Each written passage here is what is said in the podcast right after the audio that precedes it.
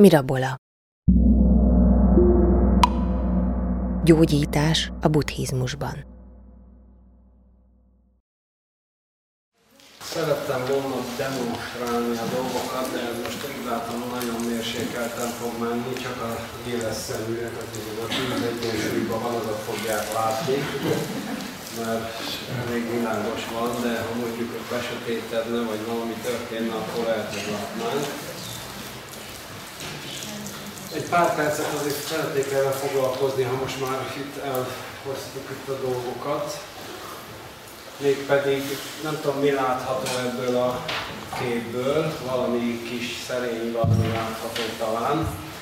Ez egy tibeti tanka, gyógyító tanka. Ő, tulajdonképpen nem is most lesz erről szó, hanem majd egy későbbi alkalommal már vége felé szeretnék erről beszélni, de hogy egy látvány legyen erre kapcsolatban, hogy most megmutatom. Ez az egy gyógyító tankám van, egyébként nincs is több, viszont ez a tanka, ez arról szól, és majd erre mondom visszatérünk, hogy hogyan válik a gyógyító, tehát maga a gyógyító, nem a gyógyítottról van szó, hanem a gyógyítóról, a gyógyító hogyan válik megvilágosodottá a gyógyítás folyamata által. Erről szól ez a tanka, ezt részletezi, különböző helyzetekben mutatja meg az orvost, magát, a gyógyítót. Az a tankának a címe, hogy a, a gyógyító megdicsőülése, és azt mondja, egy tibeti tanka, azt mondja el tulajdonképpen képekbe, szimbólumok segítségével, hogy a gyógyító hogyan válik megvilágosodottá azáltal, hogy gyógyít ez azért nagyon érdekes tehát, hogy igazából véve, és ez különösen már nem is annyira az ajurvédikus orvosokra igaz, hanem a tibeti buddhista gyógyítókra igaz, hogy elsődlegesen az egész folyamatot, az egész ajurvédikus vagy büsi, most ilyen szempontból mindegy, folyamatot annak te, tekintették, minthogyha egyfajta tökéletes, a gyógyítónak egy tökéletesedési folyamata lenne, és ezzel kapcsolatban el tudom mondani azt, hogy bizony valóban így van. Egyrészt ez olyan tanrendszer, olyan gyógyítási rendszer, amelyben az orvos, a gyógyító minél tökéletesebb, annál nagyobb dolgokat tud meggyógyítani. Tehát egyenesen arányos a gyógyító belső szellemi fejlődése, és az általa elérhető állapot között. Tehát egyenesen aránylik, hogy mennyire jártas a gyógyító a szellemtudományokba, a metafizikába, a filozófiába, mert minél mélyebben ismeri ezeket, annál nagyobb eredményeket tud produkálni. Egyébként hasonlóan, mint Hippokratész, aki szintén azt mondta, hogy a, jó gyógyító egyszer, mint jó filozófus is, mondta, ugye, és Galénus is még az önnyomán ezt többször megismétli, hogy a jó gyógyító egyben jó filozófus is. Tehát nem pusztán csak arról van szó, hogy adott betegségekre adott gyógyszer, hanem arról van szó, hogy, a, hogy az, a gyógyító, az orvos egy szellemi fejlődésen megy át, és ennek eredményeképpen egyre mélyebben és mélyebben látja az élettani folyamatokat, aminek eredményeképpen egyre több és több betegséget tud meggyógyítani. Ez egy nagyon figyelemre méltó összefüggés, mert ebben a pillanatban a gyógyítás folyamata egy szellemi úttá válik, egy ösvényé, és ez, ez egy nagyon-nagyon különös dolog, hiszen a mai tudomány, a mai orvostudománynak éppen az a problémája, hogy elszakadt a gyógyító a betegségtől, tehát elszakadt attól, hogy átlássa azokat a folyamatokat, amik zajlanak. Megkapja a különböző folyóiratokból a különböző legújabb információkat a kutatások alapján, és akkor azt a gyógyszert ő arra a betegségre kiutalja és kész. A szakrális gyógyító, ahova az ajurvéda is tartozik, meg a gyüsi is tartozik, ott rendkívül módon össze van kötve a gyógyító fejlődése és a, és a betegséggel kapcsolatos látásmódja, tehát ilyen értelemben minél magasabb szellemi síkon van a gyógyító, annál inkább képes a betegségek összefüggéseit, szellemi hátterét és egyebeket feltárni. Tehát ez egy nagyon érdekes összefüggés, hogy miként van az, hogy a gyógyító átveszi a betegséget, és nem, hogy beteg lenne tőle, hanem abba fejlődik, erről majd külön szeretnék egy, a végén tartani egy, egy fél órát, tehát egy fél előadást, mert az meg egy végképp egy nagyon különös dolog, hogy hogy, hogy nem az van, hogy elhatárolódik a betegségtől, hanem éppen, hogy kvázi majdnem átveszi a betegséget, de ez őt nem betegíti meg, hanem ezáltal ő fejlődik, és ennek megvan a maga tibeti technikája, tehát ez már nem a jurvéda, ez már a tibeti buddhizmussal összefüggően kiépült technika, de annak az alapja itt látható, illetve itt nem látható ezen a tankán, mert végső soron ez a tanka azt beszéli el, hogy a gyógyító hogyan éri el a megvilágosodást, hogyan válik buthává, hát egy picit megpróbálom fölnagyítani, hát ha valami látható akkor belőle, de hát valószínűleg semmi. A lényeg az, hogy innen, itt elindul az elején a gyüssi tanulmányozásával, ugye a tibeti ajurvéda, tehát a tibeti, a a tibeti megfelelője, a gyűsi tanulmányozásával, és a végén, ugye a különböző betegségekkel kapcsolatos élményeken keresztül, a végén, a legvégén eljut a tökéletes megvilágosodásig, a, gyógy, a, gyó, a betegségeken keresztül, a betegségek látásán, a gyógyításon keresztül. Na most ebben a pillanatban, hogy egy gyógyítási rendszer ad egy szellemi fejlődési lehetőséget, Ebben a pillanatban szakrális gyógymódnak nevezzük, szakrális gyógyításnak nevezzük, szakrális gyógyrendszernek nevezzük, mert ez egy alapkritérium, hogy ahogy mondtam, Hippokrates Galenus is ezt e, e, kihangsúlyozta, hogy a gyógyítóba magába menjen végbe egy fejlődés, és ennek a fejlődésnek az eredményeképpen látja hát azokat az összefüggéseket, élettani összefüggéseket, a betegségek meg egyebek összefüggéseit, és egyre mélyebben és mélyebben és mélyebben képes átlátni annak a lelki hátterét, a tudati összetevőit, minden egyebet. Úgyhogy, úgyhogy nagyon fontos része az részben az ajurvédának, de nem is annyira az ajurvédának, mint inkább a buddhizmussal való találkozásának, tehát az ajurvéda és a buddhizmus találkozásának az, hogy ebbe a gyógyító is szellemileg fejlődjön, és ezt fogom magam is, amikor az ajurvédát megismerjük mostantól kezdve, ezt fogom magam is szorgalmazni, hogy egy belső önismereten keresztül, hogy a magunkban érzékelhető, tapasztalható élettani folyamatok átlátásán keresztül tudunk eljutni mások betegségéhez, akkor tudjuk igazán másokban a problémát feltérképezni és definiálni, hogyha tudjuk, hogy magunkban hogyan működnek ezek az erők, és ha ezt tudjuk, akkor másokban is észre fogjuk venni.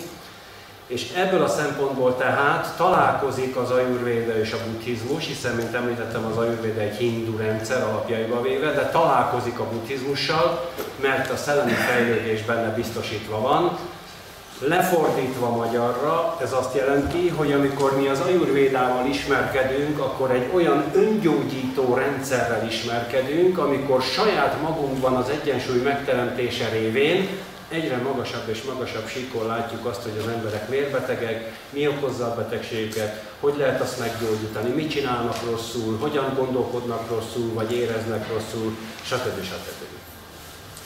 A buddhizmus alapvető tanításában, tehát a Theravada és a Mahayana tanításában nem kap szerepet az ajurvéda.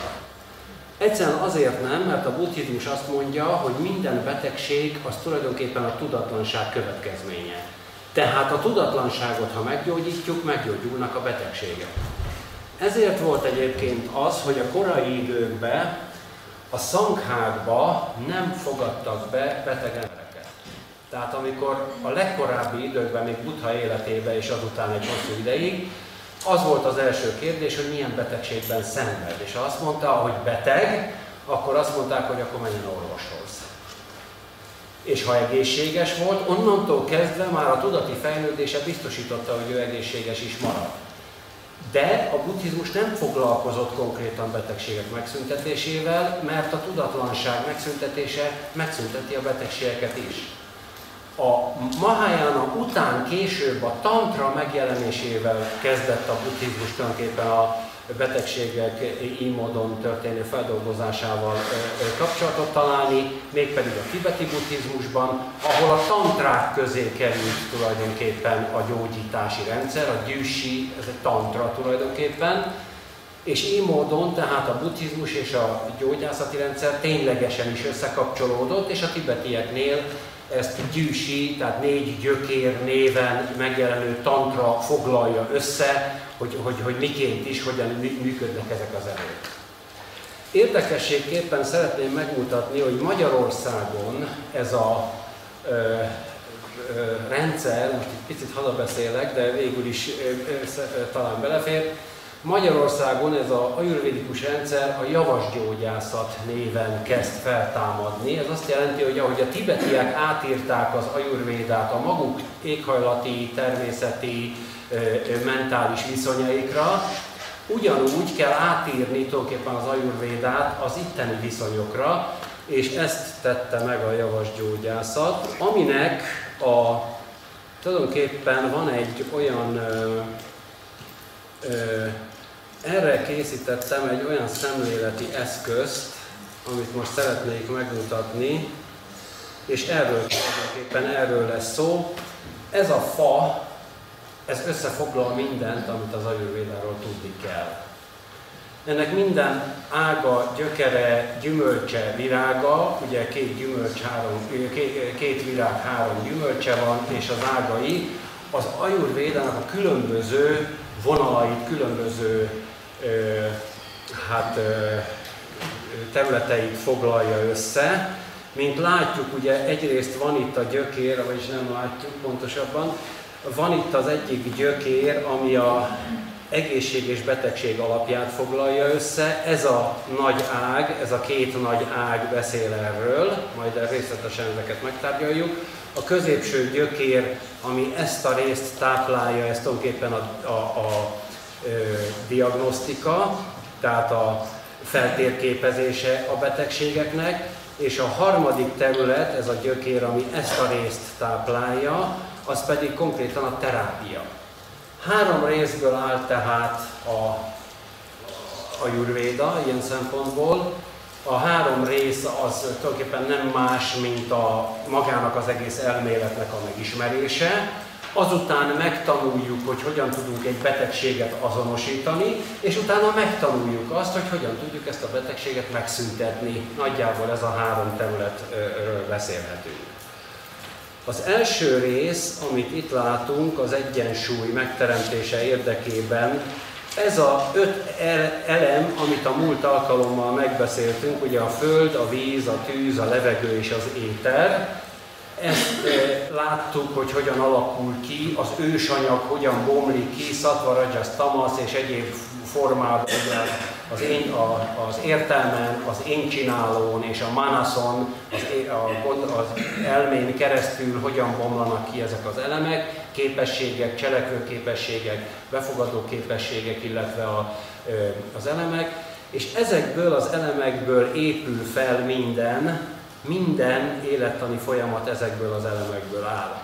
Ha valaki azt mondja, hogy tulajdonképpen itt összevethető a hipokrateszi rendszerrel az ajurvéda, akkor azt mondom, hogy abszolút összevethető. Annyira összevethető, hogy amikor Hippokratész a humorról, tehát nedvekről beszél, ugye, és azt mondja, hogy a négy nedve egyensúlya határozza meg egy test egészséges vagy beteg voltát, Ugye ez a négy nedv az nem más, mint a különböző elemek, a föld, a víz, a, tűz és a levegő, és középen ugye van az eszencia, a lényege az ötödik elem a éter.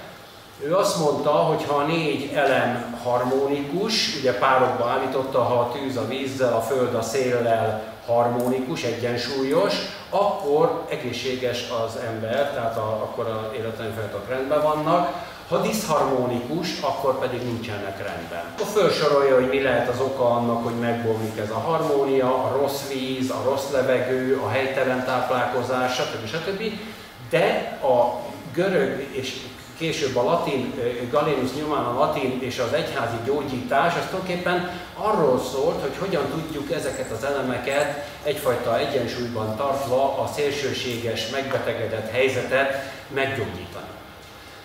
Az ajurvédában ugyanerről van szó, avval a különbséggel, hogy az ajurvédikus gyógyászat az a, harma, a negyedik elemet, a földe, ugye az étert kizárja felfele, mint ami annyira szubtilis, hogy nem lehet vele mit igazán mit kezdeni, és a levegőbe tartozik az éter is.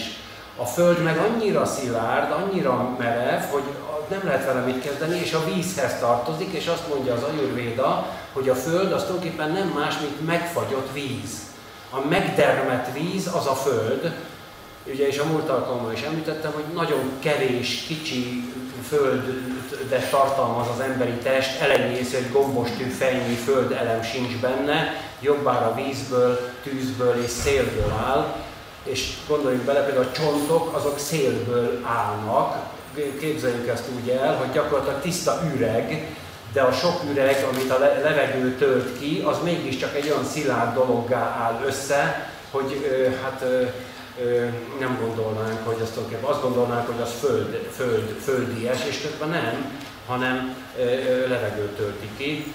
Egyébként is a katabolizmus folyamatához tartozik, mint Saturnus, ugye a, a csontváz az maga a szakrális élettan szerint az emberben hordozott halálnak a szimbóluma, és ha arra gondolunk, hogy a levegő tölti ki, és a levegő pedig a katabolizmusnak, tehát a lebontó folyamatoknak a összessége, akkor rögtön az összefüggést átlátjuk, hogy mi magunkba hordozzuk állandóan a halált a csontvázunkon, a csontjainkon keresztül, ami nem más, mint az a lebontó erő, ami állandóan működik bennünk.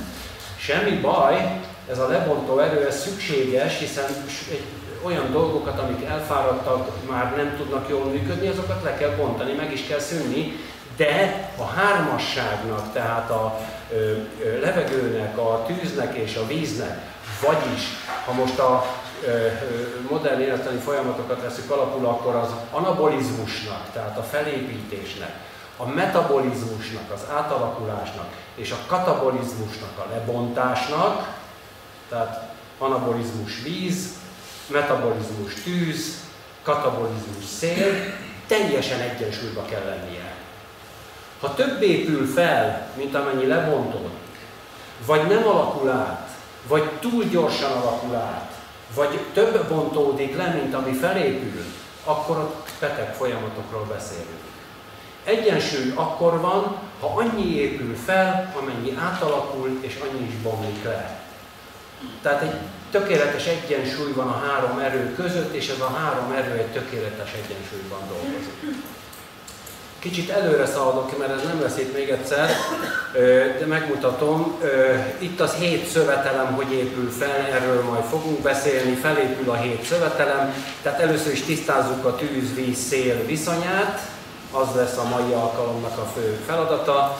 Azután átmegyünk, majd megvizsgáljuk a hét szövetet, és a három salakot, ami bármilyen furcsa, de a salakok rendkívül fontosak, a vizelet, a széklet és az izzadság, ezek rendkívül fontos, gyógyászatilag nélkülözhetetlen területek, abban az értelemben, hogy ebből nyerünk képet arról, hogy mi, mi a rendellenesség, a vizelet, a széklet izzadságból, illetve gyakorlatilag ez a három mutatja meg, hogy rendben vannak-e az élettani folyamatok, tehát ezt mindenképpen majd ezt meg kell vizsgálnunk közelebbről, és egyéb sok érdekességet is.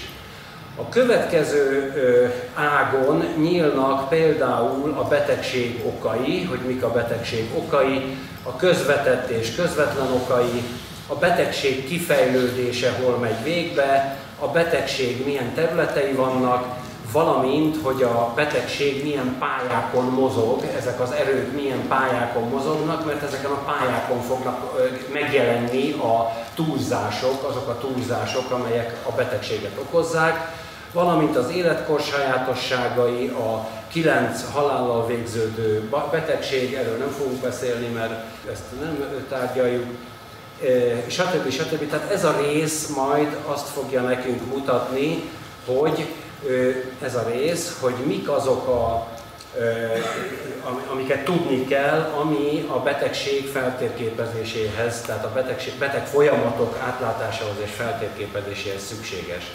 A következő nagy feladat lesz itt középen látható diagnózis, hogy például honnan tudjuk meg azt, hogy mondjuk a vízerő, vagy a szélerő, vagy a tűzerő van túlsúlyban. Ennek vannak különböző módszerei, a nyelv, a, a, a, a vizelet, akkor a kérdések, 29 kérdés, amit fel kell tenni. A legfontosabb a pulzus, ugye tudjuk, hogy milyen komoly pulzus ö, ö, diagnózisokat végeznek a keleti gyógyítók. Hát itt nem tudunk nyilván pulzus vizsgálatokat végezni, de legalább elméletileg érintjük, hogy hogy működik a pulzus, amikor a valamilyen túlsúly van. Tehát a lényeg az, hogy a következő az, hogy megállapítsuk, meg tudjuk állapítani, hogy milyen betegség, milyen típusú betegségben szenved az illető, és a harmadik nagy csoport az az, hogy azokat a gyógymódokat számba vegyük, amelyekkel korrigálni tudjuk azt az egyensúlyvesztést, azt a beteg helyzetet, amiben az illető megbetegedett. Ebbe vannak ugye táplálék, életmód, gyógyszerek, gyógynövények, külső gyógymódok, tehát különböző technikák vannak, amiket érdemes megtanulni, legalábbis olyan értelemben, hogyha mi magunk megbetegszünk, akkor mihez nyúljunk, mi, mi az, mik azok az eszközök, amivel ezeket a betegségeket gyógyítani tudjuk. Ennek a, ennek a mandalának egyébként, ha jól tudom, még itt a, van, van egy plakátszerűen megszerkesztett változata, aminek az alján, az aljába felsoroltam nagyon sok olyan táplálékot, amely tápláléknak az energetikai jellemzői meg vannak adva. Ez persze nagyon felületes, hiszen nagyon sok növénynél oda van írva, hogy nem tudom, az alma fokozza a szelet, csökkenti a tüzet, csökkenti a vizet, de hogy mennyire az értelemszerűen, az nem, ezt nem lehet odaírni, tehát ez pontatlan, ilyen értelemben nagyon nehezen lehet osztályozni, hogy most melyik mennyire fokoz mit.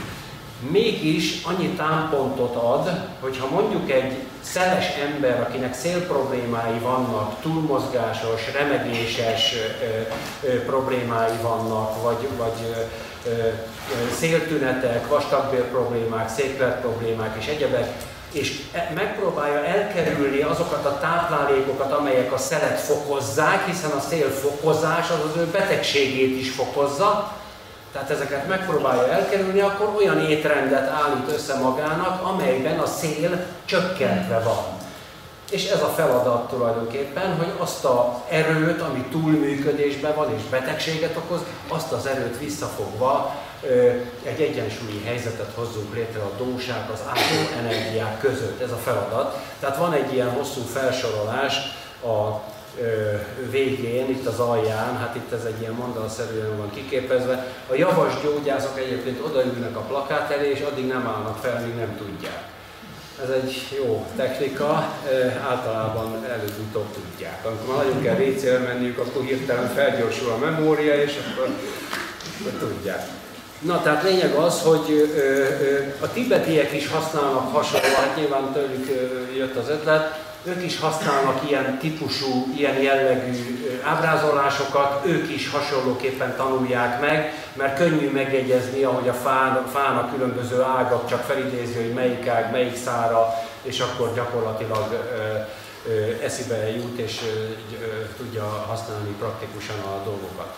Vannak virágok és gyümölcsök, ilyenek például a hosszú élet, az egészség, a boldogság, a kiegyensúlyozottság. Ezek tulajdonképpen a gyümölcsei annak a fának, amit a ajurvedikus tudás nyújt, és ilyen szempontból hát ö, ö, azt lehet mondani, hogy tényleg ez a tudás, ez a fa, ez gyümölcsöt terem, illetve virág ki belőle, és ezeket a virágokat mi emberek ö, élvezzük. Még érdekességképpen egy pillanatra felvette, fel megmutatom azt az ábrát, ami ö, szintén ebben függ össze, nem tudom mennyi látszik belőle. Ezt az ábrát szeretném megmutatni, talán valamennyire látni, igen. Ez tulajdonképpen szintén egy ebben kapcsolat, tehát ezt, ezt az ideát fogalmazza meg, azt az ideát fogalmazza meg, hogy hogy a három erő, ja, bocsánat, ez ilyenkor tovább lép, minden azt csináljuk, hogy ezt elviszük a végére, ha tudjuk, nem tudjuk. Kijelöljük, és így lejátszuk.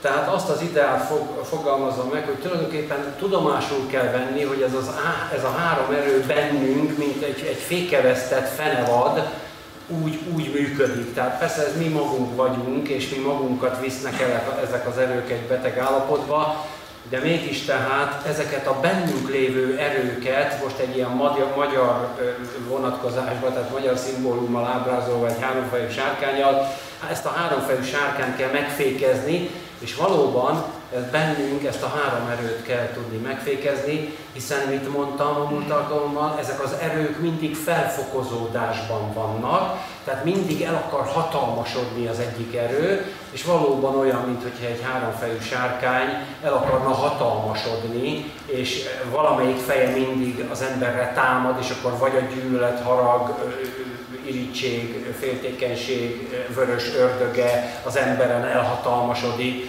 vagy a lustaság, ugye ez, a, ez volt a tűz, vagy a víz, a lustaság, tompaság, a ilyen alulműködések, lelombozottság, érdektelenség hatalmasodik el, vagy pedig a, ez volt a víz, vagy pedig a szél, a kapkodás, elszálltság, a félelem, buskomorság, meg egyebek.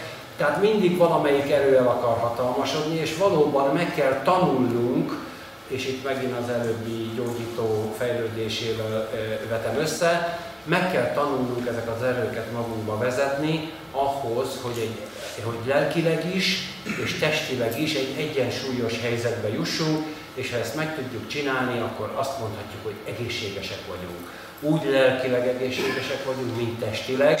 Tehát azt is mondhatom, hogy egészségesek vagyunk, tehát elkezdhetjük a gyakorlatainkat. Egészségesek vagyunk, ezért elkezdhetünk a megvilágosodásért küzdeni, harcolni, hiszen az egészség nem más, mint alap arra, hogy egyre finomabb és finomabb szintekre vigyük ezeket az energiákat, mint a jogik. Ugye a jogik azok, akik már, már ott már nem gyógyászat, hanem ott már a joga foglalkozik ezzel a résszel, hogy hogyan lehet ezeket az egészséges erőket visszavinni a kezdetbe és egy kezdeti állapotba uralni, kez, uralt erő, ugye ebből indultunk ki, hogy lehet elérni azt, hogy ezek az erők teljes mértékben ural, uralma legyenek. Nem egyszerű, mert az európai ember, de mondhatjuk, hogy a keleti ember szempontjából is nagyon nehéz észrevenni ezeket, hogy mi is zajlik bennünk. Egyszerűen azért, mert nincs befelé szemünk. Mert azt hisszük, hogy kin vannak a dolgok, azt hisszük, hogy kin vannak az érdekességek, hogy kin milyen sok, meg minden, és közben belül meg tombolnak ezek az erők bennünk, és fékevesztetten visznek minket a koporsóba, mert nem látjuk, hogy mi zajlik bennünk. Tehát az, hogy elkezdjünk foglalkozni a saját belső lelki világunkkal, a bennünk lévő erőkkel, a bennünk egyensúlytalansággal, hogy, hogy most éppen milyen lelki állapotban vagyunk, hogy milyen tudati mozgások vannak bennünk, ez a lényege az egésznek. És innentől kezdve egy olyan öngyógyító rendszerré válik az ajurvéda, hogy, hogy egészen nagy-nagy dolgokat is meg lehet vele oldani, hihetetlen betegségeket el, kell, el lehet vele mulasztani, de mindenképpen az kell, hogy az illetőnek annyi belátása legyen, hogy ő maga fölismerje, hogy benne azok a rendellenes működések bizony kórosak, azok a lelki működések, azok, azok. Nyilván, ha valakiben megmarad az irítség, annál nem lehet megszüntetni a tűz problémát, hiszen a tűz probléma és az irítség ugyanaz az erő. Vagy valakiben ott van a félelem, ami egy, egy szél probléma, egy széldósa túlsúly, amíg a félelem ott van benne, addig nem lehet a vastagbél rákot meggyógyítani, mert az a kettőt ugyanaz az erő okozza és folytathatnám, vagy a hasnyálmirigy problémát addig, amikor valaki csak eszik, eszik, eszik, de nem mozog, és, és, és adott esetben lom, lomha, lusta, és nem, nem módosít a lelki folyamatain, addig nem lehet meggyógyítani, mert ez a kettőt ugyanaz az erő okozza. Ez ugyanaz az erő, nem két különböző erő. Tehát amikor a, azt fogom tanácsolni majd a vége felé, hogy buddhista vipassaná gyakorlatokkal ágyazzunk meg az ajurvédának, Vagyis, hogy alkalmazzunk buddhista vipasszaná gyakorlatot ahhoz, hogy feltérképezzük magunkba ezeknek az erőknek a mozgását, akkor tulajdonképpen arra azt akarom avval mondani, hogy fejlesszük ki azt a látásmódunkat, amivel látjuk magunkba ezeket az erőket, és ha látjuk magunkat az erőket, garantáltan egészségesek leszünk. Mert egyszerűen észrevesszük, amikor egy túlsúly, egy elhatalmasodott energia elindul a pályán, és valahol megrekedve betegséget akar okozni, ezt észrevesszük, és képes, képesek vagyunk ezt megszüntetni. Még egy ábrát mutatok, van ennek egy olyan á fázisa, ami hát végül is szimbolikusan, de mégis van egy olyan fázisa, amikor ezek a hát erők már lecsillapodtak, hogy úgy mondjam, vagy legalábbis hogy is tudnám ezt itt megnyitni, vannak. Tehát amikor egyfajta egyensúlyi állapot van az erők között, ez annak a szimbóluma, ez szintén azt hivatott ábrázolni ez a szempontjából, hogy mikor van egy egyensúlyi állapot, amikor tulajdonképpen ezek az erők belsőleg megfogottak, belsőleg kontrolláltak, akkor ez a fékevesztett sárkány, ami általában ugye mindenki felfal, meg minden rontál, stb. stb. Ugye van ez a magyar mitológiában ez az érdekes dolog, hogy hívják a garaboncot, mert ott a sárkány uralkodik a környéken, ugye valószínűleg mindenki ismeri így a magyar hagyományból, és akkor jön a garabonc, és akkor előveszi a könyvét, és kiolvassa a sárkányt a barlangjából, és akkor kötőféket rádobja, és elszáll vele, és a környék megszabadul a sárkánynak a, hát a, a, a rossz téteményeitől, tehát a negatív dolgoktól, és úgy felszabadul minden, és újra ter, ter, termőre fordul minden. Tehát van egy ilyen népi hagyománynak, van egy ilyen emléke, hogy ezek a garaboncok, ezeket a sárkányokat ott megzabolázták, a megzabolás, most ez még persze szimbólum, hiszen a megzabolázás azt jelenti, hogy ezeket a bennünk működő erőket meg kell tudni fogni, meg kell tudni fékezni, és ha ezt megtesszük, akkor termékenyre fordul minden, ha ezt nem tesszük meg, akkor értelemszerűen minden hát pusztulásnak indul, és minden lepusztul. Na, hát ennyit a képmutogatásról, és most már rátérünk a még egy pillanatra visszahoznám, tehát, hogy emlékünkbe idézzük, hát ha most már jobban lehet látni egy kicsit a, a, ezt a tankát, ezt a tibeti tankát, ami tulajdonképpen arról szól, hogy az orvos hogy dicsőül meg, mindenképpen az egyik leg-leg-legfontosabb dolognak tartom azt, hogy itt nem szabad, hogy a gyógyító és a szellemi ember, a szellemi útkereső, a fejlődő ember, aki szellemileg előre akar lépni, nem szabad, hogy elváljon egymástól. Éppen azért szakrális gyógymód, szakrális gyógyrendszer, mert ez a kettő összetartozik. És ez a tanka, a tibetieknek ez a tankája, ezt gyönyörűen elmondja, hogy bizony az egész tulajdonképpen végső soron arról szól, hogy a gyógyító hogyan tudja magába a betegséget legyőzni, mert ha magába legyőzi a betegséget, akkor az egész világba akár legyőzi, vagy, vagy a emberbe, vagy a falubeli, betegség, falubeli embereknek a betegségét is képes legyőzni, hiszen a buddhizmus az tudati alapú létezést tételez fel, úgy gondolja, hogy elsődlegesen a tudatnak a állapota a fontos, és ez a tudatállapot kihat a világra.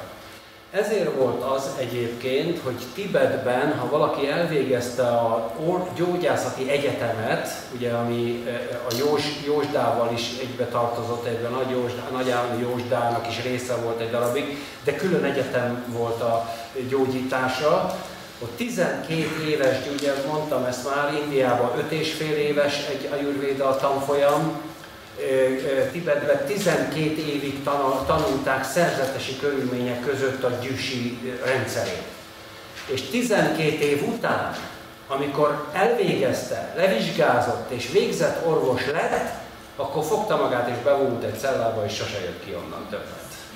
És mi azt mondanánk európai emberek, hát akkor minek tanult ez a jó ember olyan sokat, hogyha nem használja a lények segítségére azt a tudást, amit fölhalmozott, Na hát a tibetiek nem így gondolkodnak. A tibetiek úgy gondolkodnak, hogy ő ki sem mozdul a cellájából, akkor is gyógyítja az egész világot. És akkor is az ő gyógy ereje az nagyon fontos, mert neki a saját tudatát kell meggyógyítania ahhoz, hogy rendben legyen a világ.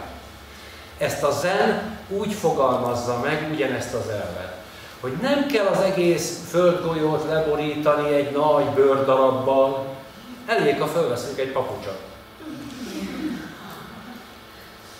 És már is nem szúrja a tüske a lábunkat. Tehát nem kell, hogy elég, ha a saját tudatunkban rend van, nem a világba kell rendet csinálni, ott majd rend lesz, ha a tudatunkban is rend lesz. A saját lelki világunkba kell rendet tenni. És ezt a gondolkodásmódot érdemes végig gondolni, ezen el, elmeditálni. Nem az a fontos, hogy a szomszédunkat meggyógyítsuk, meg hogy a szomszéd az jó legyen, meg hogy az hanem hogy mi magunk tudjunk jók lenni, mi magunk tudjunk egyensúlyosak lenni, mert akkor a szomszéd is láthatatlan szálakon meg, meggyógyul. És a ismerősünk és barátunk, és rendbe jön a családba, és a, a családba rendbe jön, akkor rendbe jön a faluba is. És ha a faluba rendbe akkor rendbe jön a megyébe. És ha a megyébe, akkor az egész országba. És ha az országba, akkor az egész világon. Tehát innen kell nézni a világot, és nem onnan, mint ahogy a materialisták nézik, akik például most egyik nap láttam egy reklámot, egy hirdetést, vagy valamit, egyébként nagyon jó pofa, ahol a, pont a víz, azt hiszem talán a vízvilágnak, illetve vízvilágnak, vagy valami ilyesmi volt mostanában, és ezzel kapcsolatban egy hirdetést mondtak, hogy régen úgy gondoltuk, hogy az ember az a természetet leigázza és megváltoztatja. Ma már tudjuk, hogy magunkat kell megváltoztatni. És ez igaz. Ez igaz. Na de kérdem én, ugyanazok az emberek, akik sokáig azt mondták, hogy a természetet le kell igázni, most éppen genetikai módosulásokon törik az agyukat. Ugyanazok vannak ott, és ugyanazok, akik éveket keresztül materialisztikusan sugalták, hogy a természetet leigázni, meg majd az ember, aki meghódítja, nem tudom hogy micsodát, na ugyanott ülnek, ugyanazok az emberek ülnek ott. Semmi nem változott. És de reméljük, hogy nem csak a szlogen területén lesz egy ilyen típusú változás, mint amit ez sugal, mert valóban nem a természetet kell megváltoztatni, hanem az embert magát kell megváltoztatni. És ilyen szempontból igaza van ennek a, hát ennek a kis reklámon, nem is tudom mi ez, nem is tudom pontosan milyen apropóból hangzott ez el, csak ezt, ezt, ezt hallottam. És ez igaz, csak hát sajnos ugye azok az emberek, akik tönkretették a Földet, akik teljes mértékben kicsavarták, és, és a mai napig is ö, támogatják azokat a törekvéseket, amelyekkel magunk alatt vágjuk a fát, és a természetet tönkrevágják, azok az emberek most is, azok a materialisztikusan gondolkodó emberek mai napig is ott ülnek a, ezekbe a hivatalokba, és ö, mai napig is hasonló gondolkodásmóddal generálják az újabb és újabb konfliktusokat. Ezt hozzá kell tenni az igazság kedvéért. Nos, tehát ezeket szerettem volna megmutatni, és mivel ezek nem lesznek itt, mert nem fogunk mindig vetítgetni, ezért ilyen szempontból azt kikapcsolhatjuk. Tehát ilyen szempontból szerettem volna ezt megmutatni, és nagyon tanácsolom, hogyha van még, és van valakinek kedve ezzel a plakáttal bibelődni, akkor átláthatóan ez a rendszer ott van előtte, és talán megkönnyíti azt, hogy befogadja, könnyebben befogadja azt, amit most mi majd itt végignézünk, és az egyes elemeket végig beszéljük. Nos, akkor mostantól kezdve, tehát ott folytatjuk, ahol a múlt alkalommal hagytuk. A elemekről beszéltünk, ugye, és az elemek olyan szempontból eljutottunk már egy darabig, hogy fokozatosan leszűkülünk arra a három elemre, amivel nekünk igazából az ajurvéda szempontjából dolgunk van. Láttuk, ezek az elemek egyre finomabbak. A éter az egy, az egy nagyon finom erő. Ugye ezt körülbelül úgy tudjuk definiálni, hogy az éter az csak hallható. A levegő az hallható és érezhető. A tűz már hallható, érezhető és látható. A víz az hallható, érezhető, látható és ízlelhető. A Föld pedig hallható, érezhető, látható, ízlelhető és tapintható. Tehát ez jelzi, hogy itt nagyon szubtilis síkról bomlik ki. Tehát, tehát még egyszer gyorsan látom, aki fölírja, hogy a, a, a éter az hallható, a levegő az hallható és érezhető, a tűz az hallható, érezhető és látható, a víz hallható, érezhető, látható és ízlelhető, és a föld pedig hallható, érezhető, látható, ízlelhető és szagolható. Ezek már egyébként konkrét betegségek, egészség vonatkozása is van ezeknek. Például a tűz, amikor azt mondjuk, hogy hallható, érezhető és látható, minden látás probléma tűz probléma. Tehát amikor elkezd gyengülni a szemünk, akkor az azt jelenti, hogy ott vagy tűz túlsúly van, tehát a tűz fokozódik fel, vagy bizonyos értelemben tűzhiány is lehet, az is előfordulhat, hogy tűzhiány van, de mindenképpen tehát tudik a szem az a értelemszerűen a tűzhez, tűzhöz kapcsolódik, tehát ott az eleve konkrétan gyógyászatilag azonnal tudjuk, hogy ott egy tűz problémával állunk szemben. Ha egészen biztosak lehetünk abból, hogyha például látás problémák vannak, és ingerült, és haragos, indulatos, akkor egészen biztosak lehetünk benne, hogy benne a tűz erő van szabadulva. Csak kérdés, hogy mikor lesz ez egy komolyabb betegség. Az az érdekes egyébként, majd a tűznél még külön beszélek, csak úgy érzékeltetni szeretném, hogy az összes közlekedési baleset az tűz probléma. Abban az értelemben, hogy ott valamilyen felfokozódás viszi bele abba a helyzetbe, hogy ott balesetet okoz. És hogyha belegondolunk még abba, csak érdekességképpen hozom ide Jungot, Jung az egyik könyvében azt mondja, hogy ö, tanulmányozta azt a kérdést, hogy balesetet szenvedők két-három nappal előtte megálmodják, hogy balesetük lesz. Ez azt jelenti, hogy a baleset lehetősége már két-három nappal előtte benne van az illetőbe. Ez egy nagyon izgalmas és érdekes dolog.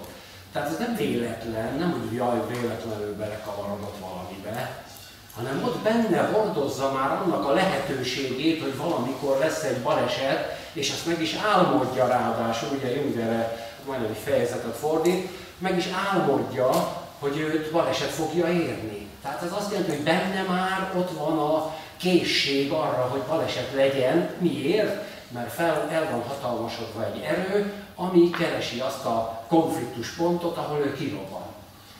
Azért mondom, hogy a tűz az baleseteket is okoz, mert, mert legtöbbször gyulladásoknál jelentkezik. Tehát egy gyulladás jelentkezik bárhol a testben, ott ö, a tűz, tűz túlsúly van jelen. Vannak olyan gyulladások, amelyek azért jönnek, hogy a víz túlsúlyt semlegesítsék, tehát hogy túlnőjék a növekedő vizet, például a megfázások ilyenek, amikor láz keletkezik. A láz az azért keletkezik, hogy legyőzze azt a vizet, ami túlhatalmasod. Nem a lázat kell gyógyítani ilyen esetben, hiszen ő azért jött, hogy a túlvizet megszüntesse, hanem a vizet kell visszafogni. Bőségesen elég, ha koplalunk egy pár napot, és abban a pillanatban eltűnik a víztúsú is, és abban a pillanatban a láz is eltűnik. Tehát a láz, és van még egy-két eset, amikor a tűz azért jön, mert már annyira elhatalmasodott a másik erő, hogy neki föl, ő is fölébred, és akkor elindul egy ilyen küzdelem, harc a velemek között. Ezekben az esetekben ugye tudjuk, hogy nem a lázat kell gyógyítani, hanem azt, ami kiváltotta a lázat.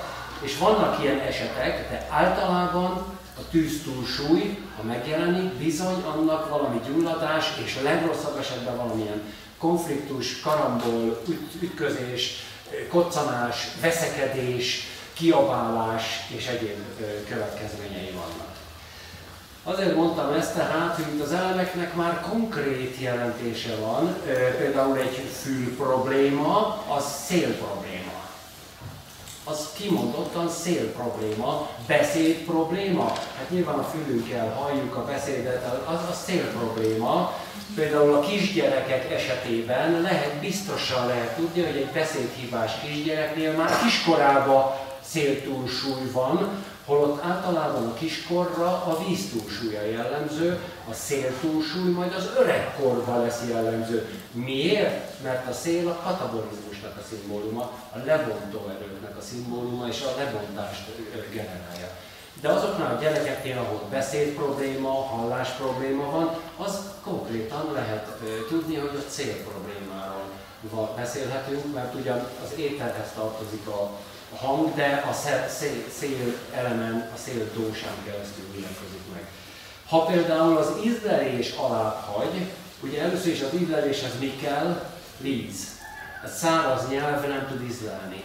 A víz ízlel. A, víz, a víznek van tulajdonképpen valamilyen íz. A víz az semleges ízű, ezért közvetít minden ízt, ami a nyelvünkhöz jön. Ezért kell a nyelvünket tisztán tartani egyébként.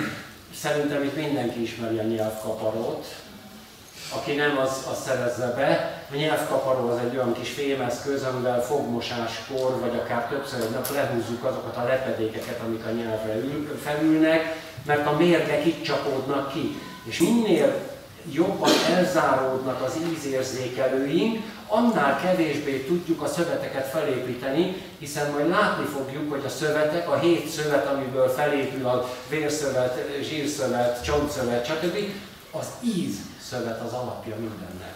Az ízekből lesz az emberi test. Az ízekből. Hihetetlen, furcsa, de mégis így van, ízekből állunk mi emberek. Az íz egyébként azt is jelenti, hogy lényeg, a rasa, egyébként a samarasa az azt jelenti, a alkimiát is nevezték raszának, samaraszának. A rasa az azt jelenti egyfelől, hogy lényeg, másfelől, hogy íz, mindkettőt jelenti, tehát nem véletlen, hogy keleten az íznek, sőt a samarasa az azt is jelentette, hogy a tantrikus tibeti buddhizmusban a samarasa az azt jelentette, hogy mindennek ugyanolyan íze van, tehát ha ezt a ugyanolyan ízűséget megtapasztaljuk, akkor eljutunk minden lény közös gyökeréhez, és azonosak vagyunk minden, mindenkivel és mindennel. Samarasa ugyanolyan ízű, minden ugyanaz, mindennek ugyanaz a lényege, de ez most messze előtt az anyumédától. Nos, tehát a következő feladatunk, miután láttuk, hogy a különböző föld, szubstancia, víz, tűz, ugye ezt a múlt alkalommal. Például csak úgy, hogy érzékeltessem, hogy a szubstanciák mennyire fontosak. Például, ha valahol látunk meleget, fényeset, vagy szárazat, vagy tisztát, vagy világosat, vagy ragyogót, azonnal tudjuk, hogy ott a tűz szubstancia dominál. Mindegy, hogy mi az, ott a tűz szubstancia dominál. Vagy testi folyamatban is lehet, vagy bármilyen élettani folyamatban, vagy a természetben, ahol ezek a minőségek megjelennek, ott lehet tudni, hogy tűz szubstancia van jelen, lehet, hogy éppen túlsúlyban, például valami olyan ragyogó, hogy elvakít, nyilván ez egy túlsúlyos tűzszubstancia. Vagy ahol a könnyű, a hűvös, a, a, az, az áttetsző, a ritka, az átlátszó, vagy az érintkező, kapcsolódó szubstanciák, minőségek jelennek meg, ott mindenképpen a levegőről van szó. Ugye? Tehát azért mondom, hogy ezek a szubstanciák már tájékoztatnak minket, hogy milyen erő, milyen elemmel van dolgunk, amikor ezek nehéz, durva, kemény, át, élettelen, sűrű, nem átlátszó. Melyik ez? Föld szubstancia. És a többi folyékony, képlékeny, puha, lágy, ez a víz szubstancia. Tehát ezek a minőségek adott esetben betegségek esetén is megjelennek, mint tünetek, bármilyen furcsa. Itt egyébként javaslom ilyen szempontból, megint csak ugye hivatkozom a javas gyógyászatra, a javas könyv nevezetű könyvet, ha valaki nem ismeri, abba ezek fel vannak sorolva, és akkor talán megkíméljük magunkat, hogy ezeket mind itt részleteiben felsoroljuk. De a lényeg az tehát, hogy ezeket a minőségeket már konkrétan lehet használni, és ezután pedig a földből és vízből összeáll a kapadósa, ami a vízerő, a tűzből a pithadósa, ami a tűzerő, és a levegőből és éterből a vatadósa, vagyis a levegő erő, egész pontosan a dósa szó az azt jelenti, hogy ártó. Tehát ezt úgy kell elképzelni, hogy amikor már az erők oly mértékben, ez a 5-5 vagy 3 erő oly mértékben megzavarodott, hogy annyira zavaros lett köztük a viszony, hogy már ártóan nyilvánulnak meg, akkor onnantól kezdve dóság. Amíg nem ártóan nyilvánulnak meg, onnan attól kezdve gunák. Tulajdonképpen emlékszünk ugye a Satvarajas Tamas gunák. Ezek tulajdonképpen eredetileg gunák, fonalak, erőfonalak. De amikor már elérnek egy olyan zavaros helyzetet, hogy már betegségek jelennek meg, onnantól kezdve dóság. Ártóak. Ugye ártó, dóság, azt jelenti. Amikor tehát azt mondom, hogy víz, dósa, vagy, vagy kapadósa, akkor ebben azt mondom, hogy ártó víz.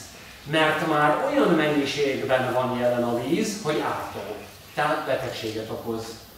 Vagy azt mondom, hogy pitadósa, akkor az ártó tűz, mert már a tűz annyira felfokozódott, hogy ártó erőként van jelen, tehát onnantól kezdve betegséget okoz. Vagy azt mondom, hogy vatadósa, az ártó szél, hiszen a szél annyira felfokozódott, hogy az már betegséget okoz. Tehát ilyen értelemben az öt elem leszűkül háromra, a ö, föld és a víz a vízre, a tűz a tűzre, és a levegő és az éter a levegőre, és tulajdonképpen a testben már ez a három erő kavarod, és ezt a három erőt kell nekünk megismerni ahhoz, hogy átlássuk ezeket a folyamatokat, és ezt tesszük most a továbbiakban. Ezeken túl, tehát megismerjük a három erőt, azután megismerjük, hogy a szövetek hogy épülnek fel az ízekből, és azután megismerjük a salakokat, és akkor tulajdonképpen lezártuk az első részét az ajurvédának, ami ahhoz kell, hogy már megállapítsuk, hogy ki milyen típusú, ki alapjaiban véve milyen erőtúlsúlyokat hordoz magába, illetve az egyes betegségeknek milyen tünetei vannak, és utána pedig arra fogunk beszélni, hogy ezeket hogy lehet meggyógyítani. Nos, tehát akkor tovább lépve, nézzük ezt konkrétan, ezt a három energiát, hogy ezek hogy is néznek ki mégpedig abban a sorrendben, hogy ö, ö, Ugye láttuk, beszéltünk arról, hogy ahogy a Sattva Tamasnál a három erőnél az egyensúly a cél, itt is az egyensúly a cél, mégpedig mozgásban lévő egyensúlyról van szó. Továbbá talán azt is mondtam, hogy ez az erő, ez a prákriti, ez az anyag, anyag erő, ugye, mert ez végül is anyag is, meg erő is, ez, ez soha nem borul fel annyira, hogy megszűnjön a világ, vagy megszűnjön a test. Mindig csak annyira borul fel, hogy egy struktúra megszűnjön, tehát ez azt jelenti, hogy az életünket alkotják ezek az erők, ezek csak annyira borulnak fel, hogy meghalljunk. Nem jobban. Ez azt jelenti, hogy már is megyünk egy újabb életbe, egy újabb struktúrába állunk össze, majd újra megborul, újra meghalunk, újra összeáll, újra de nem, annyira nem, tehát annyira nem borul fel, hogy véglegesen megszűnjön minden. Ez kizárt. Ez, ez ilyen nincs. A világnak nem tud vége lenni katasztrófa vagy szerencsétlenség által. A világnak csak úgy tud vége lenni már legalábbis a negatív részének, hogy az ember felébred az álmából, és az az álomkép elosztik. De úgy nem tud vége lenni, hogy annyira megzavarodik minden, hogy véget ér. Milyen egyszerű lenne akkor a megoldás, csak jó meg kéne zavarodnunk, az vége is van az egésznek. Na hát nem így van sajnos, sokat kell tennünk azért, hogy véget vessünk ennek a szenvedésteli világnak. Tehát ilyen szempontból soha nem bomlik meg teljesen ez az egyensúly abszolút értelemben, hanem mindig csupán egy része borul fel, de ez a felborult rész valószínűleg elég ahhoz, hogy megbetegedjünk, sőt, sok esetben ahhoz is, hogy meghalljunk, Persze ez egy buddhistának nem akkora dráma, mert legfeljebb egy újabb lehetőséget kap, de az európai gondolkodás szempontjából a halál azért ez egy nagyon súlyos dolog, ezt meg kell érteni, valóban az, az azért ez tényleg súlyos dolog, elveszíteni szeretteket, meg, meg egyáltalán az emberi életet látni, elpusztulni, ez egy súlyos dolog, de a buddhisták azt is tudják, hogy minden folytatódik örökkön örökké, nincs vége semminek soha, állandó folyamatból áll minden, tehát a saját halálunkra semmiképpen nem kell nagy részvétel fordulni, sőt lehetőségként kell tekinteni, hogy végre visszatér minden a fénybe, az ürességbe, és ha azt nem sikerül átölnünk, akkor kell mennünk még egy kört. vagy még kettőt, vagy még ötöt. Ugye, ahogy mondta egy láma egyszer az itteni látogatásán, hogy sokan úgy elkeserednek, hogy ha azt mondják, hogy ó, még száz élet, száz élet múlva se tudok megvilágosodni, mert olyan nehézek ezek a gyakorlatok. És erre azt mondta ez a láma, hogy micsoda jó dolog, hogy száz élet múlva meg tudunk világosodni, ezért érdemes gyakorolni. Szempont kérdése a dolog, hogy most akkor a száz testetöltés az sok vagy kevés, Hát minden esetre ugye beszéltem arról, hogy Buddha, amikor megvilágosodott, arra jött rá, hogy végtelen sok testetöltésen keresztül érkezett oda, hogy megvilágosodhat. Hát mi is valahol tartunk a fejlődésünkben, voltunk már mindenek, már még akasztott halottak is, vagy énekes halottak, minden voltunk előző testet töltéseinkben, előző életeinkben. Most elérkeztünk odáig, hogy felfogjunk, tanuljunk, haladjunk, épüljünk, próbáljuk átlátni az összefüggéseket, és jó az, hogyha visszaemlékszünk a korábban megtett útra, mert akkor nagyon-nagyon fog minket ez inspirálni.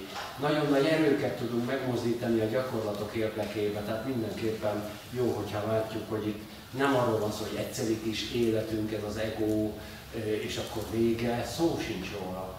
Előtte is volt életünk, utána is, ha nem, ha nem törekszünk elég jól, akkor utána is lesz életünk. És ez így megy végtelenségig, már legalábbis a megvilágosodásig. Tehát amikor felborul az egyensúly, akkor egy örvénylő mozgás, az erő küzdenek egymással, tényleg mint a sárkány, neki ugrik az embernek, és akkor aztán már ember legyen a talpán, aki ezt meg tudja fogni. Nagyon nehéz egy, beteg, egy konkrét betegséget meggyógyítani, de nagyon könnyű megelőzni. Ugye erről is beszéltem, hogy a prevenció milyen fontos szerepe van a prevenció szempontjából az ajurvédának, hiszen ha felborult egy egyensúly, akkor ugyanavval a tudattal, mint amiben felborult az egyensúly, nagyon nehéz rendet csinálni. Tehát ott már tényleg kell egy külső segítség. Tehát amikor konkrét betegség tünetek vannak, akkor tényleg már valakinek a tanácsát ki kell kérni, hogy egy orvogyógyítónak, vagy egy ajurvédikusnak, vagy egy rendes gyógyítónak, de ott tényleg már szükség van egy külső segítségre. De a megelőzés szempontjából az ember hihetetlen nagy dolgokat tud csinálni, nagyon-nagyon nagy e, e, e, az első kis apró jelekre, majd látni fogjuk, hogy hogy, milyen, hogy jelenik meg egy betegség, milyen fázisokban tűnik elő, az első tüneteknél, amikor még semmi szervi probléma nincs, már akkor egy, egy olyan ember, aki a vipasszanában jártas, és jártas abban, hogy a saját folyamat, egy belső folyamat egy figyelje, rögtön észreveszi a rendellenséget, és még olyan csíra állapotba el tudja kapni azt a felfokozódást, hogy nem alakul ki a betegség. Ha már kialakult, nyilvánvalóan nagyon nehéz akkor már belekezdeni valamit, akkor is lehet és kell is, de az már lényegesen nehezebb. Gondoljunk azokra a betegségekre, mint például a balesetek, amikor mondjuk, mit tudom én, levár, egy balesetben az ember elveszíti a lábát. Hát az már nem egy egyszerű dolog. Ott nem úgy van, hogy visszavarázsoljuk és kész. Holott az is egy tósának az elhatalmasodása eredményeképpen állt be. Tehát itt a megelőzésnek nagyon nagy szerepe van, a gyógyításnak és a megelőzésnek. Ha lesz időnk, majd a vége fele beszélni fogok az úgynevezett burkokról, hindu tanítás ajurvédához kapcsolódik, hogy az ajurvéda egyes elemei hogyan alkotják azokat a burkokat, ö, tulajdonképpen hát ilyen ö, kósákat, ilyen különböző szinteket, amiben az én be van zárva, és tényleg olyan, mint a hagyma, öt ilyen bur, burokba épül fel, és a legkülsőbb burok a test, a fizikai test, ez egy hindu tanításrendszer, erre most nincs időm, de lehet, hogy a végén majd visszatérek el. Nos, tehát a mai feladatunk, és ezt mindenképpen megcsináljuk, ha törik, ha hogy a három erőről beszéljünk, hogy részleteiben, hogy milyen is ez a három erő, hogy utána majd az ízeknél, a különböző íznél lássuk, hogy hogyan befolyásolják ezeket az erőket. Először akkor legyen a levegő elleni energiáról, tehát az úgynevezett vata dósáról, vagy tibetű rongról szó. Körösi Csoma Sándor is úgy tudom fordított le egyébként a, a, a gyógyászati könyvből egy kis részt, illetve nem tudom, hogy magyarul nem nagyon jelentek meg, nem tudom, tudja valaki, hogy jelentek meg munka, gyűsi, magyarul a nagy, nagy, ö, hogy is hívták a nagy, a, valamilyen nagy, ö, tehát az vezetékneve az, hogy nagy, de most nem jut eszembe a keresztneve, ő fordította le a gyűsinek egy részét, és azt érdemes is elolvasni, de még egy dolgot nem tudok a nevén kívül, hogy mi a címe a könyvnek, már is sok van, mert a név és a forma, amikor se a nevet, se a formát nem tudjuk meghatározni, arra mondjuk, hogy üresség.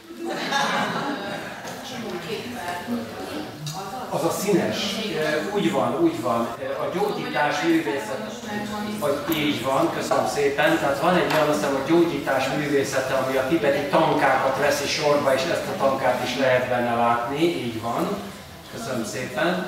És, és a másiknak a címét, illetve Vasant Lad nevezetű ajurvédikus gyógyítónak vannak könyvei, két könyve is van, az ajurvéda az egyiknek a címe, a másiknak a gyógynövények, gyógynövény, gyógynövény joga, úgy van, nagyon-nagyon értékes könyv, mert a növényeket nagyon szépen számba veszi, hogy hogyan működnek a különböző energiákra nézve, illetve hamarosan megjelenik egy herbárium, egyik Mecsándornak a Herbárium című könyve, ami 108 gyógynövényt vesz ajurvédikus alapokon végig, tehát hogy energetikailag hogy működnek. Tehát az a lényeg, hogy azért hozzá lehet jutni ezekhez a könyvekhez, de a legfontosabb az, hogy megértsük ezeknek az energiáknak a működését, és hogy bennünk hogyan működnek ezek az erők. A magam részről egyébként azt szoktam csinálni, hogy csinálok egy vagy két nap koplavást, és utána iszom egy gyógyteát, és meg tudom figyelni, hogy azt tulajdonképpen dósailag hogyan működik. És ezt ajánlom mindenkinek, hogyha valaki bizonytalan, hogy hogy működik egy étel, egy ital, egy gyógynövény, hogyan működik energetikailag, és akkor tessék egy kicsit letisztulni, kitisztítani a szervezetet, és, és abból egy kicsit túlzásba bevinni. És akkor látja az ember, hogy felgyorsul, vagy melege lesz, vagy lelassul, lusta lesz, tehát látja, hogy hogy működik, és meg lehet a gyógynövénynek az energetikai jellegét határozni. Tehát mondom még egyszer, ezek azért nagyjából ismertek is, tehát meg lehet tanulni is, de a tapasztalat az a legjobb. Levegő elemi energia. Elsősorban a mozgást, az áramlást, a légzést, a gondolkodást és a szellemi dolgokat befolyásolja. A, talán, a talányos kérdésem az, hogy ha valakinél mozgás problémák vannak, az milyen erőnek a túlsúlyából fakad? Levegő. Így van. Ha valakinél légzés problémák vannak, milyen levegő? Ha valakinél ö, ö, ö, valamilyen áramlási, bármilyen áramlási, véráramlás, levegőáramlás, bármilyen áramlási problémák vannak, mi? Levegő. Tehát ezt most úgy tessék kezelni, hogy ezek már konkrét gyógyászati ö, ö, dolgok, amikről beszélünk. Továbbá jellemző rá a könnye, könnyűség, a kötetlenség, a dolgok átlástása, a tisztánlátás, a bőrérzékelés, hiszen láttuk a levegőhöz, a bőr és az érzékelés tartozik a az egyensúly érzék, az kimondott a levegő probléma, és egyensúlytalanság. Itt az egylábon állást, az egylábú zentre utalok, ami tulajdonképpen az egyensúly a közép megtalálásával függ össze, és bizonyos értelemben a rendszerező képesség is ide tartozik. Ha a levegő elem túlsúlyban van, tehát ha nincs túlsúlyban, akkor ezeket a problémákat szépen koordinálja. Hát akkor jól gondolkodik az illető, a légzése rendben van, a, gondol, a, a áramlások rendben vannak, a mozgása koordinál, koordinál, tehát akkor minden van. Ha túlműködik az levegő, akkor mivel ő a testi mozgások összehangolója is, ezért zavarok állnak be az összehangoltságba, a légzés abnormálissá válik, kiszáradás, levegő túlsúly, ugye gondoljunk abban, mint amikor a ventilátor megy valahol túl, túlzásba, akkor ott minden kiszárad. Tehát kiszáradás, fáradékonyság, gyengeség, kimerülés, lehűlés jellemző. Például a lábak, hideg lábak, az tipikusan ilyen levegő áramlási probléma, ugye? A, ha valakinek azt tapasztalja, hogy hideg a végtagjai. Egyensúlyzavar, kimondottan levegő probléma. A koordinálatlan mozgás, például az öregkorban, amikor így rángatózik, az öregkori rángatózás, mind ugye már a, a, a katabolizmus előrehaladottságát jelzi, tehát a lebomló folyamatok annyira felgyorsulnak, hogy ott már emészti fel a, a, mindent a, a, a levegő, tehát ilyen értelemben az kimondottan ilyen levegő probléma. Nyugtalanság, kapkodás, kimondottan levegő probléma, labilitás, feszültség, görcs, kimondottan levegő probléma, a stressz, a fülzúgás, fülproblémák, ugye kimondott a levegő probléma, tudjuk, hogy a fül kapcsolatban van a levegővel, éterrel. A szédülés és az ájulás kimondott a levegő probléma, elhatalmasodik a levegő, és a tudat a földből kivonul a szélbe. Ugye ez ö, ö, szabályosan kivonul a szélbe a földből, és, és megszűnik a eszméletét veszti, elájul. Tehát az kimondott a levegő probléma. Tehát ha a levegő kivillen, rendellenesen túlműködik, akkor ilyen tüneteket tapasztalunk, aminek eredményeképpen azonnal tudjuk, hogy itt az egyensúly megbomlott, itt egy levegő problémáról van szó. Mi a feladat? visszafogni nála a levegőt, csökkenteni a levegőt, és ezáltal, ahogy csökkentjük a levegőt, úgy gyógyul meg. Most mondok csak éppen, hogy három technikát, meditáció, nyugodt, kényelmes ülés, az csökkenti a levegőt. Ha futunk, szaladunk, az növeli a levegőt. Ha leülünk nyugodtan, az csökkenti a levegőt. Például a gyakorlások, meditációk, koncentráció, koncentráció, ez mindez csökkenti a ilyen értelemben a levegő túlsúlyt, arra ad lehetőséget, hogy egyensúlyt tartsunk a levegő kapcsán is. Vagy pedig adott esetben szezámolajat iszunk, és számos olyan anyagot, vagy beszélünk a, a, a terápiáknál a különböző anyagokról, amelyek csökkent. Tehát van, van külső anyag, vagy gyógynövényt adunk, ami csökkenti a, a, a, a szelet. Tehát valamivel csökkentjük a szelet, és akkor ezek a tünetek megszűnnek. Nagyon fontos, hogy a levegő pályája, van egy pályája, amin ez a levegő mozog.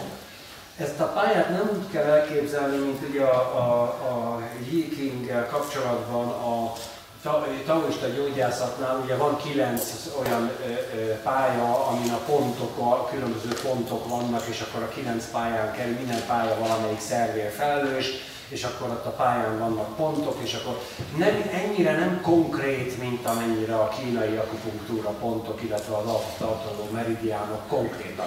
Ezek nem konkrétak, ezek elvi pályák, nem azonosíthatók, hogy itt folyik, meg, meg innen ide folyik, mert teljesen látszanak, teljesen egymással nem érintkező területek pályái, mégis úgy nevezhetjük, hogy pálya. A legfontosabb pályája az a vastag bél. A levegőnek a vastag bélben tulajdonképpen olyan centruma a levegőerőknek, ahol felhalmozódik, és ahonnan elindul a pályára, tehát egy olyan centrum, ami, ahol a levegő egyértelműen elhatalmasodik. Ebből már talán ki is találta valaki, hogy a székrekedések, a száraz széklet, a nehéz széklet, amikor nem simán görbülékenyen folyik a széklet, vagy zajlik a székelés, akkor az mind levegő probléma. Olyannyira, hogy a túlzott levegőt a testből a vastag bélből lehet eltávolítani. Vagyis mivel, mint látni fogjuk szintén egy későbbi anyag, beöntéssel. Én azt tanácsolom, hogy mindenki tanuljon meg önmagának egy jó beöntést csinálni. Úgy is mondhatnám, hogy jó beöntésnél nincs jó. Na most egy kicsit eltúloztam, de azért ne felejtsük el, tehát, hogyha valóban elfogadjuk azt, hogy ott van a székhelye és ott halmozódik fel különösen a levegős típusú embereknek életmentő lehet, hogy megtanuljanak egy jó beöntést csinálni önmaguknak, egy jó szezámolajos, vagy ahogy a tibetiek mondják, egy tyúkús leveses beöntést.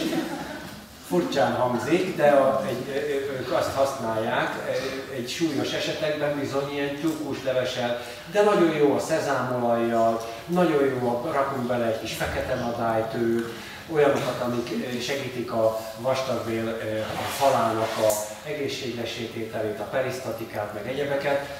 Tehát sajnos ez van, a vastagbélbe halmozódik fel a levegő, túlsúly, ha valakinél mozgás problémák, vagy hallás problémák, fáradékonyság, gyengeség, félelem, vagy, vagy egyensúlyzavar kísér, koordinátlan mozgás, nyugtalanság, kapkodás, labilitás vagy egyebek vannak, akkor ott bizony már időszerű, hogy a vastag bélből a levegőt kimosni, el, eltüntetni. Erről fogok beszélni, mert van ennek egy mostanában elharapódzott és nem túl egészséges változata, válfaja, amit most csinálnak újabban. Ez a hideg-meleg felvált változat abszolút nem jó, azt el, el kell kerülni, mert hideg víz az nem érheti a vastag belet, oda csak meleg, langyos, testmeleg, meleg vízzel lehet ezt csinálni. Fogunk erről beszélni, hogy konkrétan hogy kerül Továbbá, tehát itt van a székhelye a vastagbélben, de tehát innen közvetlenül ki lehet űzni, ez lesz az egyik fontos szempont. De a csípőbe, a csontokba, a fülekbe, a szívbe, a combba és a tapintás érzékelő szervekbe van a pályája. Tehát ezeken a pályákon tud fel elhatalmasodni, és itt jelentkeznek problémák, amikor a levegő túlsúlyba kerül. Tehát még egyszer a, a, a csípő, a csontok, a fülek, a szív, a comb és a tapintást érzékelő szervek. Tehát ezek a pályái, értelemszerűen a fül az egy közvetlen ö, ö, hát, ö, jel, hogy az illetőnek a fül hallásával baj van, vagy a füle fáj, vagy van, ott biztosak lehetünk, hogy a szél hatalmasodik.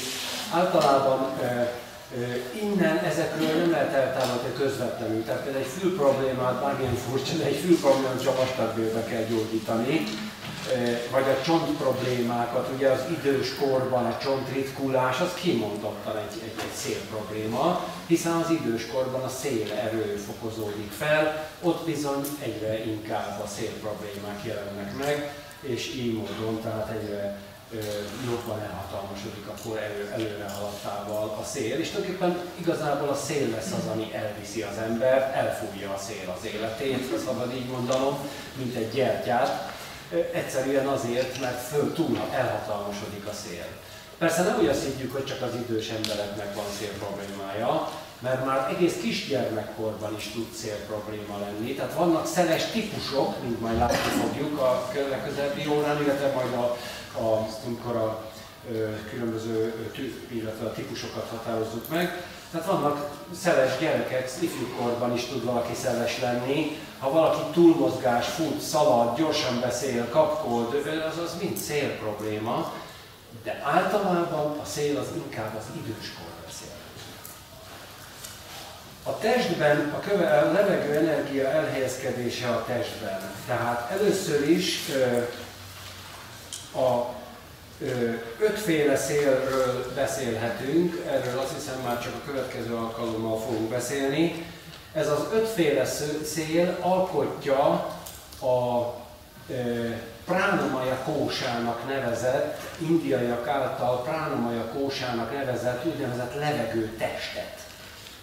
Most már nem megyünk ebbe bele, az a lényeg, hogy ez az ötféle szél, van a belégzés, a kilégzés, a szétlégzés, a fellégzés és az összelégzés, ezek különböző légzés típusok, tehát a szél erő, tehát a vata dósán belül még ötféle szelet, sőt igazából tízféle szelet különböztetünk meg, Ebből kettő szél még a halál után is működik egyébként. Erről majd egy kicsit később fogok, vissza fogok erre térni.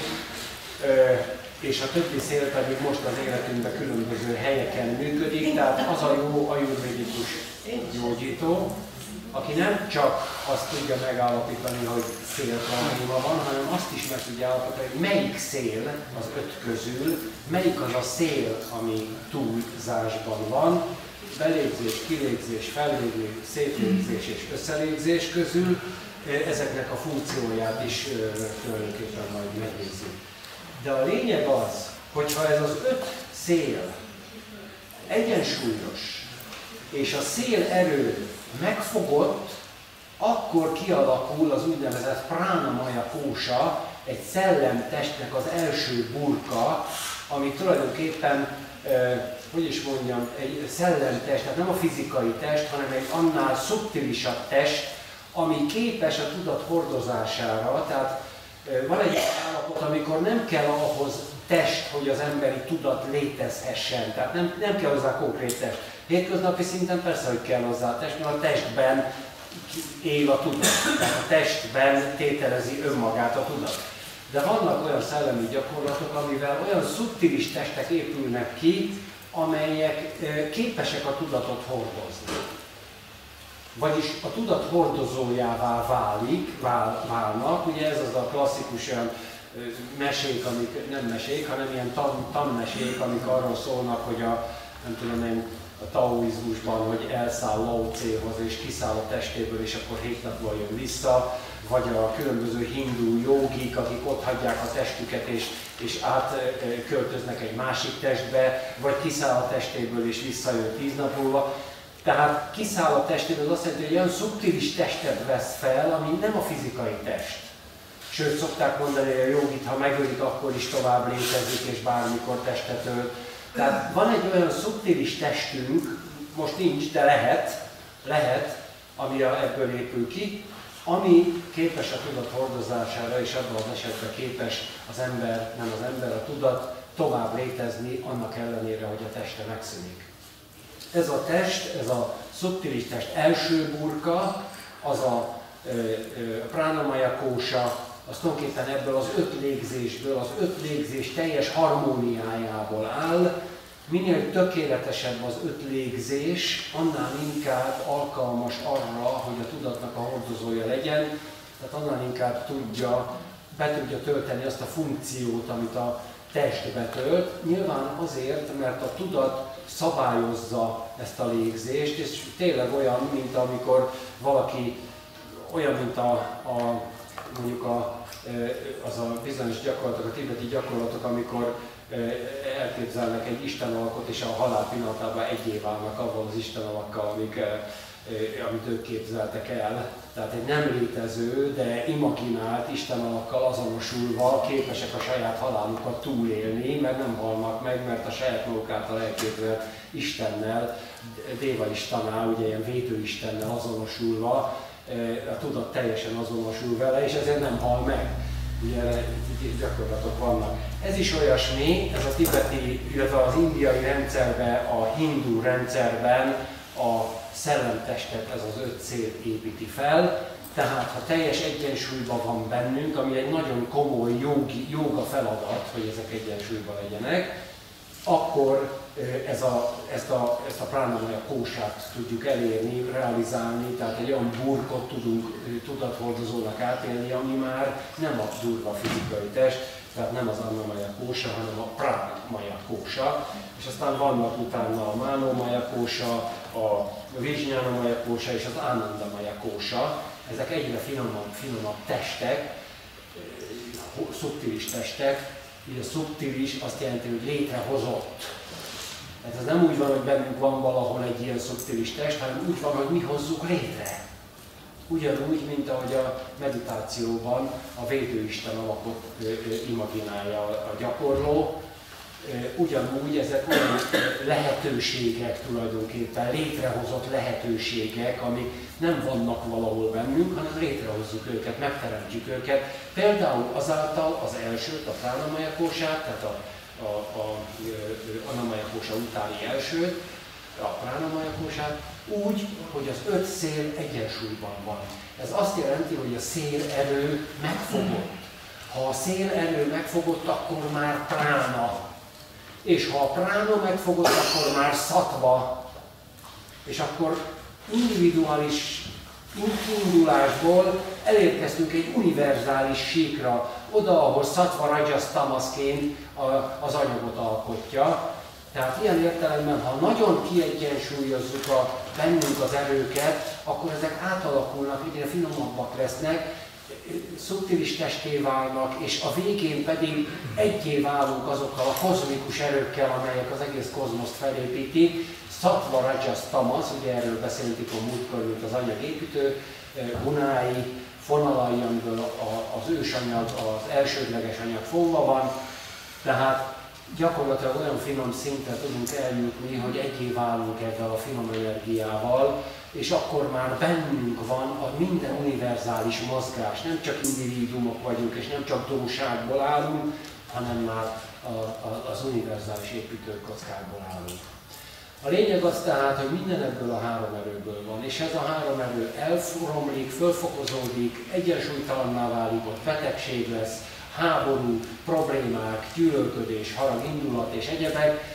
Tehát arra kell törekedni, hogy minél nagyobb egyensúlyt csináljunk magunkba. Ha tudatilag békék, békések, boldogok akarunk lenni, ha egészségileg rendben akarunk lenni, ha hosszú életet szeretnénk élni, ha, ha, ha a halállal szembe szeretnénk nézni, akkor bizony mindig arra kell törekedni, hogy egyre nagyobb és nagyobb és nagyobb egyensúlyt hozzunk létre magunkba, azok között, az erők között, amelyek a tudatunkat, a testünket egyaránt alkotják. Ezek közül az egyik a levegő, mint azt most megbeszéltük, részben a tüneteket és pályáikat is. Hogy hogy kell ezeket tisztítani, gyógyítani, egyensúlyteremteni, az majd a későbbiek feladata lesz.